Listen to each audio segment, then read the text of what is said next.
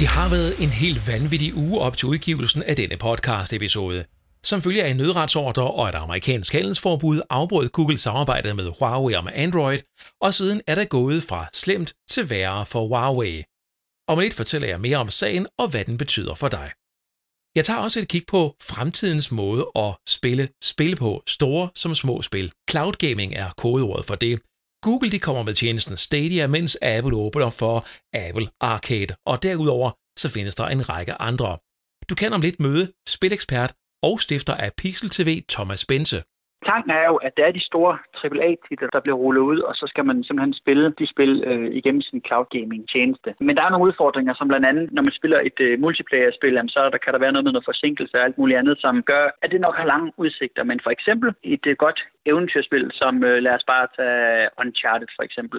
Den type af spil, det er tanken, at man skal kunne spille så store spil igennem sin cloud. Du kan også høre, hvordan Apples nyeste AirPods lyder, og så afslutter jeg snakken om fremtidens 5G-frekvenser den snak, som jeg startede i episode nummer 61. Velkommen til Tech-podcasten fra meremobil.dk. Dette er episode nummer 62. Den er optaget live on tape mandag den 27. maj 2019. Jeg hedder John G.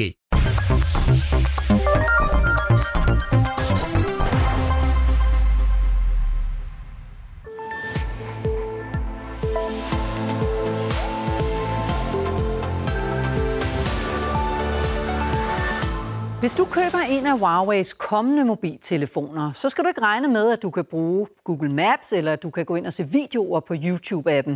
Google har nemlig stoppet dele af samarbejdet med den kinesiske telegigant Huawei. Ordene, du her hørte, prægede mediedækningen, da vi danskere slog øjnene op tirsdag morgen den 20. maj, altså for en lille uge siden. Klippet her det er fra TV-avisen på DR, og det er blot et kig ind i det stormvejr, der ramte Huawei i ugen op til denne episode af Tech-podcasten. Årsagen er, at den amerikanske præsident Donald Trump har udstedt en såkaldt nødretsordre, der blacklister Huawei som en del af den amerikanske handelskrig mod Kina.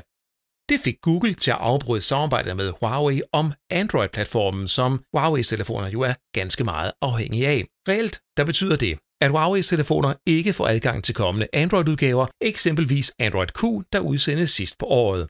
Huawei kan heller ikke bruge Googles tjenester såsom YouTube og Google Maps og browseren Chrome, eller de mange andre apps, som Google står bag på Huawei's telefoner. Det gælder også adgangen til appbutikken Google Play Store, hvorfra man henter apps ned til telefonen.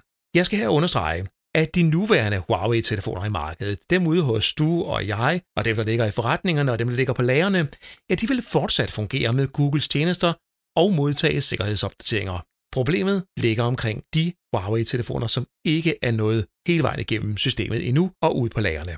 Sagen den eskalerer hurtigt, Huawei de har nemlig samarbejder med mange andre amerikanske virksomheder end lige Google. Tre af verdens førende chipproducenter, Qualcomm, Broadcom og Intel og tyske Infineon Technologies har meddelt, at de afbryder deres samarbejder med Huawei. Det kan påvirke Huawei's udvikling af egne chipsets i deres egen chipdivision High Silicon. Et forbud rammer desuden Microsoft, der leverer Windows på licens til Huawei. Også samarbejdet med Wi-Fi Alliance, der sætter standarderne for trådløs teknologi, ja, de har midlertidigt udelukket Huawei for deltagelse, og Huawei er udover det forsvundet fra medlemslisten i SD Association, som udvikler standarderne for SD-kort og microSD-kort. Onsdag kom det så frem, at ARM, altså ARM, de også stopper samarbejdet med Huawei. BBC de er i besiddelse af et internt notat, der bekræfter det her. ARM de sidder på teknologi og patenter, som danner basis for alle de mobilprocessorer, som vi kender i dag, og ARM de leverer til Samsung, Qualcomm og Huawei blandt andet. Og nu tales der så om, at Huawei de sideløbende med al den her ballade, er i fuld gang med at udvikle deres eget styresystem. En anden mulighed er også, at Huawei bruger Android Open Source Project versionen af Android, men her skal de så i givet fald ud og finde et alternativ til Googles tjenester, fordi de er ikke inkluderet i den åbne udgave af Android, der ligger ude på nettet. Spørgsmålene står i kø i den her sag, og der er ikke ret mange svar, men foreløbig der er sagen så endt med, at handelsforbuddet er blevet udskudt i tre måneder. Men hvad hjælper det, når skaden er sket? Forbrugerne de er blevet nervøse, og salget af Huawei-telefoner har sandsynligvis fået en meget hård opbremsning. Vi ved ikke, hvor det her det ender, og selvom Huawei de laver fede telefoner, ja, så er det svært at råde forbrugerne, altså dig, der lytter med, til andet end at holde hesten og ikke købe en Huawei-telefon, før vi ved, hvor den her sag ender. Sagen den udvikler sig hele tiden, og når du hører den her episode, og det jeg siger her, ja, så er der sikkert sket endnu mere. Men du kan følge det hele løbende på meremobil.dk. Nu skal vi tale om noget helt andet, nemlig mobilspil.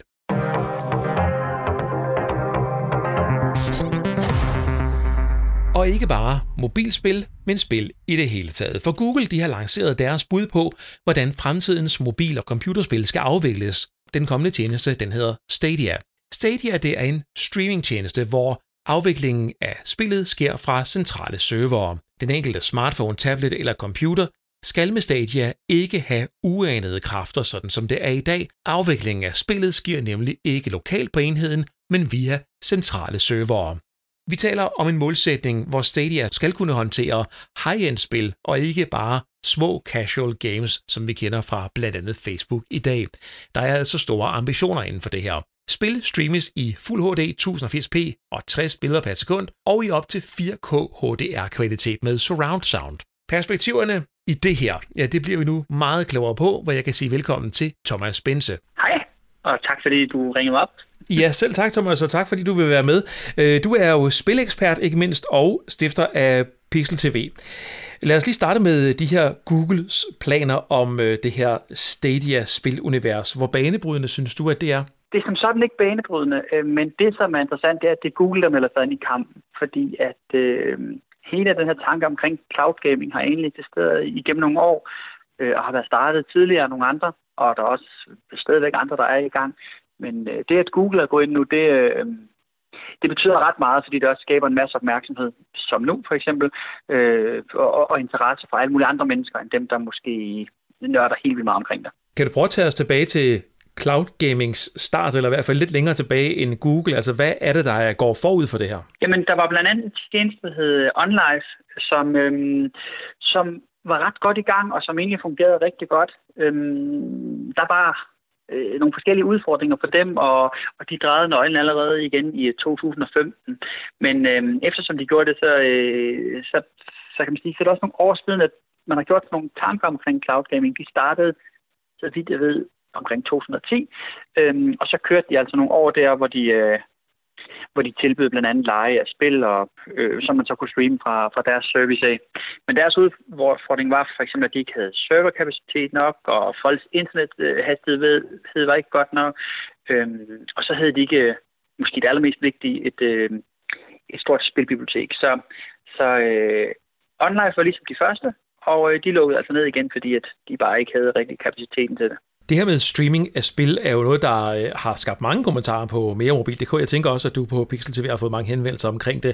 Og det store spørgsmål, det er jo, kan det her virkelig lade sig gøre i virkeligheden, altså med andet end sådan nogle små Facebook-spil? Kan det lade sig gøre i praksis? Det kan det sådan set godt, men der er jo en masse udfordringer ved det. Altså, der er helt klart nogle øh, entusiaster, som, som er ventet længe med at, at benytte sig af de her cloud gaming tjenester. Det, til at starte med, så er det først og fremmest det brede casual, for at bruge et øh, meget poppet udtryk, øh, publikum, som, øh, som er målgruppen. Øh, og måske, som du selv omtaler her, det er sådan lidt mindre spil, men, men tanken er jo, at det er de store AAA-titler, der, der bliver rullet ud, og så skal man simpelthen spille de spil øh, igennem sin cloud gaming tjeneste. Men, øh, men, øh, men der er nogle udfordringer, som blandt andet, øh, jamen, øh, når man spiller et øh, multiplayer-spil, jamen, så der, kan der være noget med noget forsinkelse og alt muligt andet, som, som gør, at at det nok har lange udsigter. Men for eksempel øh, et øh, godt eventyrspil, som øh, lad os bare tage Uncharted for eksempel. Øhm, den type af spil, den er, det er tanken, at man skal kunne spille så store spil fra igennem sin cloud gaming-tjeneste.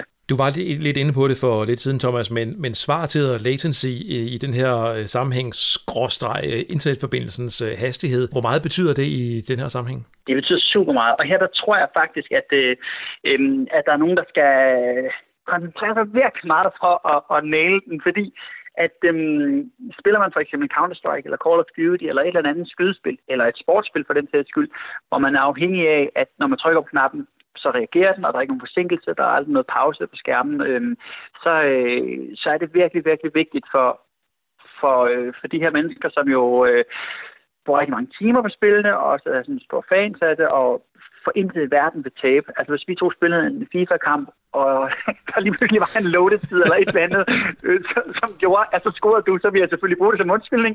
Men, øhm, men, men det er altså også bare en, en virkelig vigtig ting omkring øhm, det her univers, som der er nogen, der skal, der, der skal øh, tænke sig rigtig godt omkring, fordi øh, at det er det, der altid bliver taget op som en af de største problematikker. Øh, og omvendt for eksempel, når man ser ser film på HBO og Netflix og Viaplay og alle dem her, så kan man godt lige bære over med, at der lige kommer sådan en lille load-ikon på, på skærmen. Det vil være meget svært, hvis det var, at du for eksempel scorede mod mig FIFA. Ja, det kommer så, nok ikke til at ske, tænker jeg. jo, jo, men det er jo det. Hvis, hvis det men, men der er helt sikkert nogle ting der, som, øhm, som, øhm, som kræver en vis øvelse. Jeg tror også, der går noget tid før, at man, man har det helt på plads. Men, øh, men en ting, man ikke må tage, fejl af, det er, at der er rigtig mange ombud nu. Der er mange, der er på vej, og det er en ting, vi kommer til at se, fordi alle de her store firmaer, som for eksempel Google og Playstation, alle de andre, øh, der arbejder i det her univers, øh, de vil jo gerne have abonnementskunder. Så, øh, så der er mange, der arbejder på det, og de, på et eller andet tidspunkt, så lykkes de med at lave den helt rigtige kombination af både øh, teknik og indhold. Og, og så lidt ligesom vi ser det nu på serie og øh, tv-film, øh, der, øh, så sidder vi altså og skal vælge mellem forskellige tjenester. Nu kommer jeg lige ud i et spørgsmål, som øh, ikke er helt gennemtænkt, så jeg ved ikke helt, hvor det ender, men det her med svartider, internethastigheden, øh, og, og som du siger, det her med, at man skal reagere, når man trykker osv., er jo den her måde, som vi jo har tænkt spil på i mange, mange år. Hvis vi drager en parallel over til for eksempel musik og øh, filmstreaming, så var der også en måde, at vi så det på på et tidspunkt for en hel del år tilbage, at det skulle være på en skive, det skulle have en vis kvalitet, for at vi ville acceptere at se det eller bruge det. Jeg forsøger at komme lidt frem til, tror jeg, om det her, den måde, vi, det tankesæt, vi har inde i hovedet omkring spil i dag, kan man forestille sig, at det om bare fem år frem er forkert, eller, eller ser helt anderledes ud, fordi at vi lige nu er så fastbundet i en standardiseret måde at tænke det her ting på? Giver, giver spørgsmålet mening? Ja, men jeg forstår godt, hvad du mener, og jeg tror, at, øh, at du har ret. Jeg tror, at øh, om fem år, der, der, der ser vi det her anderledes, og der er også stadigvæk mange, som foretrækker at have et fysisk øh, eksemplar af spillet derhjemme stående på hylden. Øhm, og det er vi jo også mange, der har gjort, øh, da det handlede om LP'er øh, og, og, og DVD-film og Blu-ray-film og alt muligt andet. Men i det store billede, så er det altså et øh, fortal, som som, som ønsker at have det stående derhjemme, og, og hvis man kan slippe med en tjeneste, hvor man giver x antal kroner om måneden, øh, hvorimod man ved, at man har adgang til et stort bibliotek, så er det jo nok de fleste, der kommer til at foretrække det på sigt. Men der er stadigvæk en masse børnesygdomme, som, som man lige skal over. Hvad tænker du om fremtidsperspektiverne inden for det her? Altså hvis vi virkelig lige flyver op i helikopteren og tager det, det lange lys på, hvad, hvad kan vi se derude? Øh, jamen vi kan se så, at øh, Google er gået ind i det nu. Øh, Microsoft er jo gået ind i det med deres Project X Cloud. PlayStation er inde i det, og, og der er rigtig, rigtig mange spillere om budet, og jeg tror, der er flere af dem, der lykkes. Det, som bliver allerstørst udfordring, for lige nu taler vi rigtig meget om teknik og forsinkelser og alt muligt andet, men det er noget, der bliver løst, det er slet ikke i tvivl om det, hvor en stor udfordring kommer for, for de her tjenester her, det er, hvem tilbyder det stærkeste indhold. Det er også det, vi ser nu, når vi ser over på streamingtjenesterne her, film og tv-serier. Det er, hvem har det stærkeste indhold. Det er som regel det, man vælger efter. Øhm, og det her udfordringen reelt kommer for de her tjenester her, det er, hvem har adgang til indholdet? Lad os bare tage øh, Microsoft, som kommer med deres Project X Cloud. De, ved, at øh, de har jo adgang til nogle spil i deres bibliotek i forvejen. Øhm, og der, der har Google jo ikke noget som sådan i forvejen, men de har så tilknyttet et nyt spilstudie, som skal lave de her eksklusive spil, som tiltrækker kunder. Så øh, på sigt, så det her det kommer til at fungere, og det kommer til at, at være noget, som vi benytter os af, de fleste af os. Øhm, men spilbiblioteket, og hvad har man adgang til i det her bibliotek? Hvad bliver priserne? Det bliver det afgørende, tænker jeg.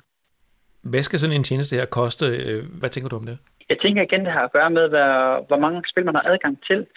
Øhm, fordi det er klart, at, at lidt ligesom når man sidder til Netflix, så vil man gerne have en fornemmelse af, at man nærmest har ubegrænset indhold, øhm, og indholdet skal også være godt. Så jeg forestiller mig, at, øh, prisen kommer til at blive øh, alt mellem 150 og 300 kroner om måneden. Og det er ja, alt afhængig af, hvem man lige øh, øh, foretrækker at spille med. Altså for eksempel så har PlayStation, deres PlayStation Now nu, som kommer, der, som koster lige omkring øh, 110-15 kroner om måneden, hvis man kører sådan 12 måneders abonnement. Øhm, så, øhm, Jeg tror, at til sidst ender med at lande på et eller andet øh, en prissætning, som ligger et eller andet sted mellem øh, 150 og 300 kroner, alt afhængig af hvilken tjeneste. Hvad tænker du om, øh, om Apple, nu vi er ved det? De har jo også øh, haft øh, gang i snakken om en øh, arcade-tjeneste, dog lidt en anden øh, take på det end, end Google, men, øh, men de har dog øh, noget på vej. Jamen, jeg tror igen, at vi kommer til at se rigtig mange, der er med i kapløbet nu. Og i sidste ende, der ser vi en 3-4 tjenester, som vi så kan vælge imellem. Om det bliver Apple, Google, Microsoft eller nogle helt andre, det, det må tiden vise. Men, øhm, men igen, så tror jeg, når alt kommer til alt, så, så kommer vi til at vælge efter spilbiblioteket. Og teknikken, den skal nok følge med. Jeg synes, det var rigtig spændende, at du gøre os lidt klogere på det, Thomas Bense. Tak, fordi du havde tid til at være med. Jamen, tak, fordi I har lyst til at med.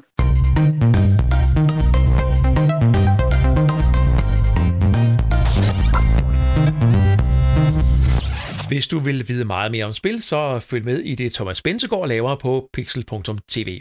Frekvenserne til blandt andet de kommende 5G-netværk er uddelt eller rettere udlejet. Teleselskaberne de har brugt over 2,2 milliarder kroner på at få adgang til en række nye frekvenser, vel at mærke uden der er opsat master og udstyr og den slags ting inden for det her beløb. I episode nummer 61, altså den foregående podcast-episode her fra meremobil.dk, der kunne du møde vores netværksekspert Johnny Olesen, der gjorde os alle sammen meget klogere på, hvad noget så støvet og kedeligt, men nødvendigt, konkret betyder for alle os mobilbrugere, og nu fortsætter vi så samtalen om frekvenserne. Frekvenserne, som benyttes til mobiltelefoni, er nemlig altafgørende for den oplevelse, vi har, når skærmen den tændes. Johnny Olesen fortæller her mere om, hvad frekvenserne betyder for de enkelte teleselskaber, og i sidste ende, hvad det betyder for du og jeg.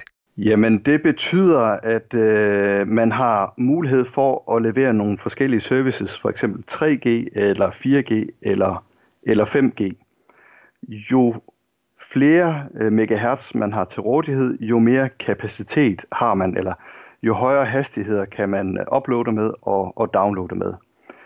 Øh, har man for eksempel 2 gange 10 MHz til rådighed, jamen så kan man i teorien bruge det til øh, 4G, og med 4G der vil man kunne downloade med op til 75 øh, megabit på, øh, på 2 gange 10 MHz. Og man vil kunne sende med omkring, omkring 30-35 øh, megabit. Jo flere frekvenser man har, jo højere hastigheder, og det betyder så, at øh, 2 gange 15 MHz, øh, det vil kan man oversætte til en download-hastighed på øh, omkring 100 megabit, og en upload-hastighed på måske øh, 40-50 megabit. Så, så det handler lidt om, om bredden på motorvejen, men også om hastigheden på motorvejen? Ja, det handler om, om hastigheden, altså kapacitet øh, i, i sidste ende. Og hvis man så lige lidt overordnet skal, skal se på, øh, på de her auktioner, så kan man sige, kigger vi på frekvensbåndene under 1 GHz, så vandt teleselskabet 3 i alt 25 eller 2 gange 25 MHz, som de kan gøre godt med øh, på de forskellige frekvensbånd. Det er det samme som øh, TT-netværket har til rådighed. De har også 2 gange 25 megahertz øh, til rådighed. Så de kan i teorien øh, levere lige meget kapacitet eller lige meget hastighed på en mobilmast. Øh, både TT-netværket og, og teleselskabet 3. TDC, de er så i, i en helt anden liga. De har øh, 2 gange 45 MHz til rådighed, plus 20 MHz ekstra de her SDL-frekvenser øh, under 1 GHz. Det betyder altså, at TDC de sidder på en enorm kapacitet øh, på frekvenserne på under øh, 1 GHz. Men de har så også betalt rimelig mange penge for, øh, for øh, de her licenser. Og det er, det er måske lige det næste punkt, vi burde kigge lidt på, fordi på papiret, så er TT-netværket øh, den store taber af den her licensauktion. Øh, de fik øh, mindst på, øh, på deres øh, på 700 MHz øh, frekvensbåndet, og de fik ikke øh, ekstra på, på 900 MHz frekvensbåndet. Men til gengæld så brugte de stort set ikke nogen penge. Og med den mastetæthed, man har i Danmark, så er det ikke nødvendigvis øh, nødvendigt at have meget kapacitet under 1 GHz. Og det skal forstås på den måde, at en mobilmast i det åbne landskab, jamen det dækker i en radius i Danmark mellem 3 til 5 km. Og i en radius af 3 til 5 km, der er det ikke længere nødvendigt at have adgang til de helt øh, lave frekvensbånd under 1 GHz. Det er simpelthen ikke så vigtigt længere. Man behøver ikke kunne dække i en radius af, af 10 eller, eller 15 km, som man, man gjorde tidligere. Simpelthen fordi der er så mange mobilmaster i dag, så kan man sagtens dække i rigtig store arealer af Danmark, øh, udelukkende med, med 1800 eller 2100 MHz øh, frekvensbånd. Så et eller andet sted, så kan man sige, TT-netværket, de fik det mindste ud af det, øh, hvis man skal sammenligne det med, med TDC. Men det er måske ikke så vigtigt, fordi de betalte heller ikke særlig mange penge for det. Altså man kan øh, for 100 eller for øh, halvanden milliard kroner, der kan man altså opsætte rigtig mange nye mobilmaster. Som du kan høre, så er mobilnetværk en kæmpe forretning. I alt brugte teleselskaberne altså 2,2 milliarder kroner alene på frekvenserne. Særligt et selskab fik rigtig meget ud af frekvensauktionen, og det kommer til at betyde virkelig meget for deres kunder. Om lidt der kan du høre, hvem vi taler om.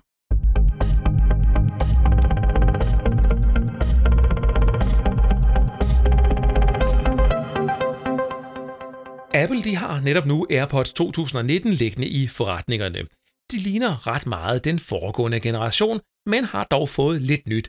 Siri er blevet integreret, så du kan tale til headsettet, og du får mulighed for trådløs opladning. Hvis du har et sæt EarPods i dag, altså dem med ledning, så har du en meget god fornemmelse af, hvordan AirPods lyder, når du har dem i ørerne og lytter til for eksempel musik eller podcast. Men hvad med telefonsamtaler? Prøv lidt med her. Jeg har lavet et lydtjek, som du om lidt skal høre. Den første del af lydklippet er optaget i et kontormiljø uden støj omkring. Det næste klip er AirPods ude, hvor bilerne støjer, og til sidst der kan du høre, hvordan samtalekvaliteten er, når du taler i en iPhone direkte uden et headset. I det her tilfælde er det en iPhone 10s Max, som jeg taler i. Med telefonsamtaler AirPods i ørerne, så går det rigtig godt. Særligt når du befinder dig i omgivelser, der ikke er særligt støjende. Det kan være hjemme i stuen eller for eksempel på kontoret. Tilføjer vi trafikstøj, så udfordres AirPods 2019 og den foregående generation i øvrigt også ganske meget. Det skal du være opmærksom på, hvis du befinder dig i meget større omgivelser. Højredaktionen er, som du kan høre, langt bedre, når man tager i telefonen direkte, uden at bruge AirPods. AirPods 2019 kan købes netop nu. Udgaven med trådløst opladet etui koster 1749 kroner. Kan du undvære trådløs opladning, så er prisen 1379. Et trådløst opladet etui koster i øvrigt 679 kroner i løs vægt. Køber du det, ja, så kan dine gamle AirPods blive opgraderet med trådløs opladning. Og her kunne du altså høre, hvordan de nye AirPods lyder, når du taler i telefon.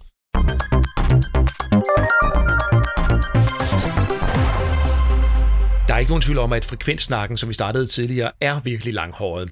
Og synes du nu, at det næsten ikke er til at overskue, hvad resultatet af frekvensauktionen bliver for dig, så er det nu, du skal lytte rigtig godt med.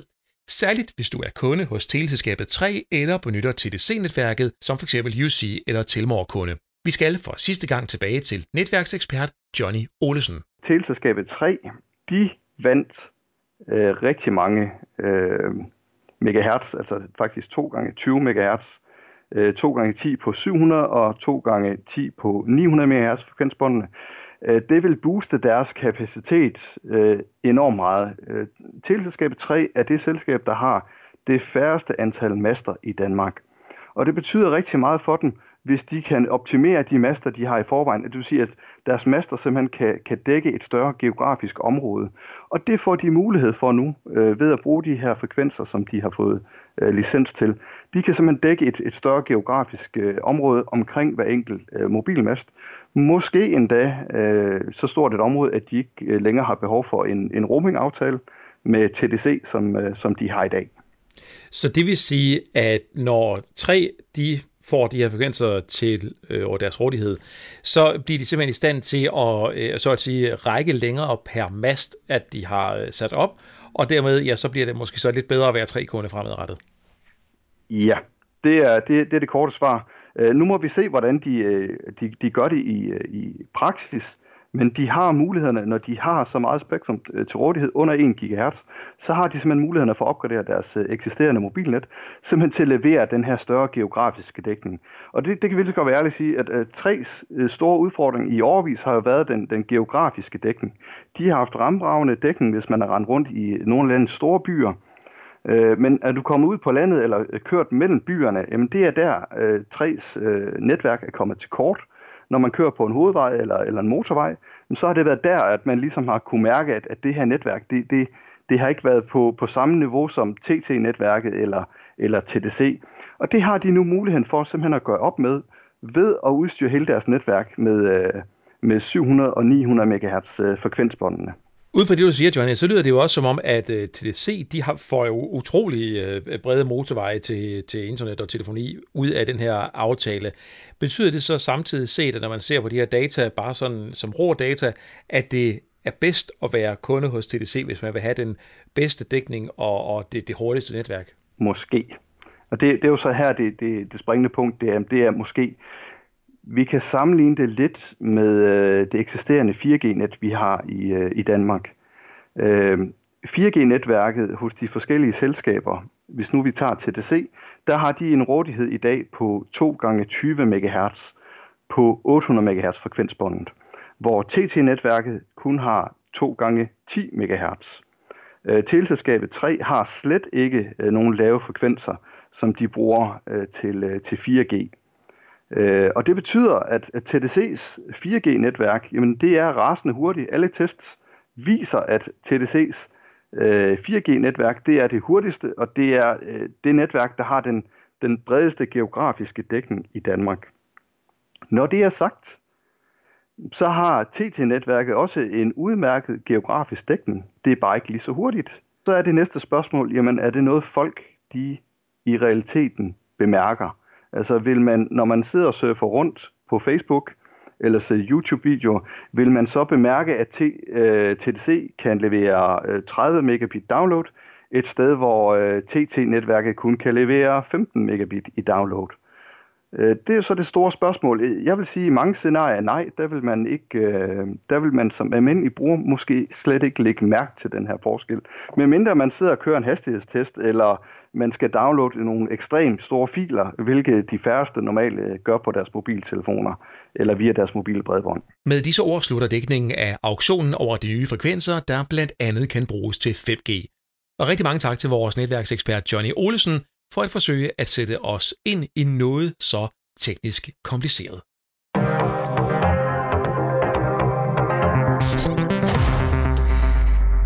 En af de seneste smartphones, jeg har anmeldt, det er Motorola One Vision. Den har en pris af 2.299 kroner.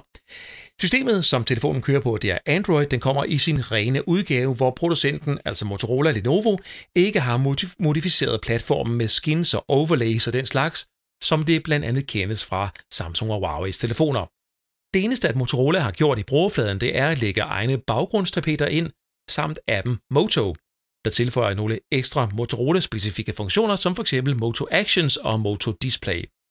Det her, det er virkelig en god telefon. Alt det fungerer fremragende, og jeg har ærligt talt i testperioden ikke oplevet, at dette ikke er en telefon på den ekstreme side af 5.000 kroner. Den ser godt ud, den fungerer godt, den lyder godt, og den tager rigtig gode billeder. Særligt når vi ser det i forhold til prisen, og samtidig så er batteritiden og skærmen helt i orden. Kameraet det har til med en night vision tilstand, hvor du kan skyde helt fornuftige billeder, selv når det er helt mørkt. Jeg siger ikke, at du kommer på niveau med Huawei P30 Pro, der har et helt ekstremt kamera til mørkefotografering, men den her Motorola-telefon, den gør det faktisk rigtig godt. Du kan se de billeder, jeg har taget med telefonen på meremobil.dk-anmeldelser. Oven i det, så er den her telefon med i Android One-programmet fra Google.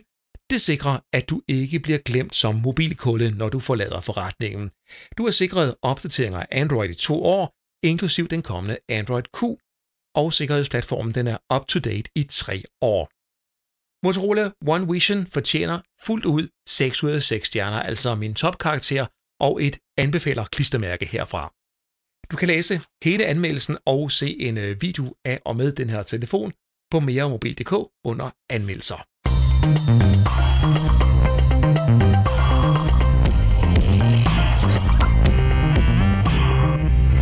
Og så lige en øh, lyttermail her på øh, falderæbet i øh, podcasten.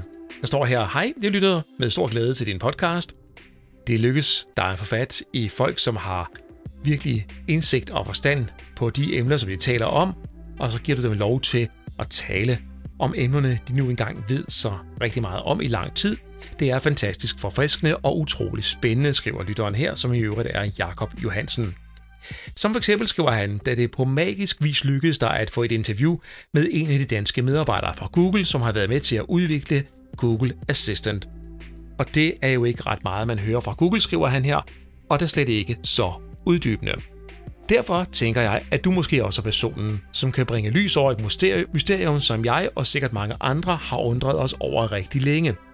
Hvordan kan det være, at Google ikke udruller alle sine produkter i alle lande eller alle funktioner i alle lande? Et godt eksempel er for eksempel Android Auto, som jeg benytter hver dag. Det findes ikke på Google Play, men når man downloader det fra et Mirror-site, ja, så fungerer det helt fantastisk og i øvrigt på dansk. Det får jo en til at tænke på, om der overhovedet findes noget, der hedder Google Danmark, og hvis der gør, hvor mange er der ansat, og på samme måde, hvordan er det i forhold til Apples størrelse i Danmark? De bedste hilser fra Jakob Kærsgaard Johansen. Jamen tak for din øh, mail, Jakob. Det var hyggeligt at høre fra dig. Jeg kan ikke svare på, hvorfor Google de øh, vælger ikke at udrulle deres ting i Danmark, men jeg kan måske prøve på et senere tidspunkt, om jeg kan få fat i en Google-talsperson her i Danmark. For et faktum er, at Google rent faktisk findes i Danmark, og det gør Apple også. Jeg har selv besøgt dem adskillige gange. Og jeg må sige det sådan, at Googles kontor i København er faktisk en ganske, øh, ganske stor størrelse med relativt mange ansatte. Helt præcist, hvad de laver, det er jeg ikke præcis klar over. Men de er her. Og det samme gælder for Apple, som bor inde i øh, det indre København også. Ja, de har også ganske mange ansatte her i København, så, øh, så de er her øh, dermed også med, øh, med, med rigtige fysiske personer. Hvor mange mennesker de er ansat de forskellige steder, det ved jeg ikke, men jeg vil da prøve at gøre et forsøg på at få en øh, snak med Google om, hvad de egentlig foretager dem her i øh, Danmark, og, og om de overhovedet findes, hvilket de jo altså gør, for jeg har selv besøgt dem, jeg har selv besøgt dem som sagt. Men, øh, men det bliver måske på et senere tidspunkt, hvis du lykkes mig at komme det hak videre. Tusind tak til Jakob Kjærsgaard Johansen for den her mail. Og Jakob han havde skrevet på min mailadresse, johng.meremobil.dk. Der er du også meget velkommen til at skrive til, hvis du har forslag til emner eller gæster, eller bare input til podcasten her. johng.meremobil.dk Og hvis du har lyst til at distribuere podcasten, så er du meget velkommen til at kontakte mig. Du kan få gratis indhold til din radiostation, hvis du kunne lyst til, have lyst til at sende øh, episoderne her. Lige nu sendes vi på FM via Næstved Lokalradio og Radio Freja, og øh, ja, det kræver altså bare, at du skriver til mig på johngsnabelag.mobil.dk e eller ringer, hvis du gerne vil distribuere udsendelserne her på FM. Lad mig sige det sådan, at øh, jeg har i øvrigt haft indstillet podcasten her til øh, podcastprisen 2019. Øh, der var rigtig, rigtig mange nomineret, og øh, ja, desværre så blev episoden her ikke nomineret. Det var vi åbenbart ikke gode nok til. Men øh, når det så er sagt, så er jeg jo mega glad for, at der bare er nogen, der lytter med her. Det øh, er en stor, stor, stor, stor driver og det, der gør, at man bare får lyst til at fortsætte med at producere de her episoder til jer, der lytter med. Vi har ikke mere tilbage i den her episode af Tech-podcasten fra mere mobil.dk. Mit navn er John G. Tak fordi du lyttede med.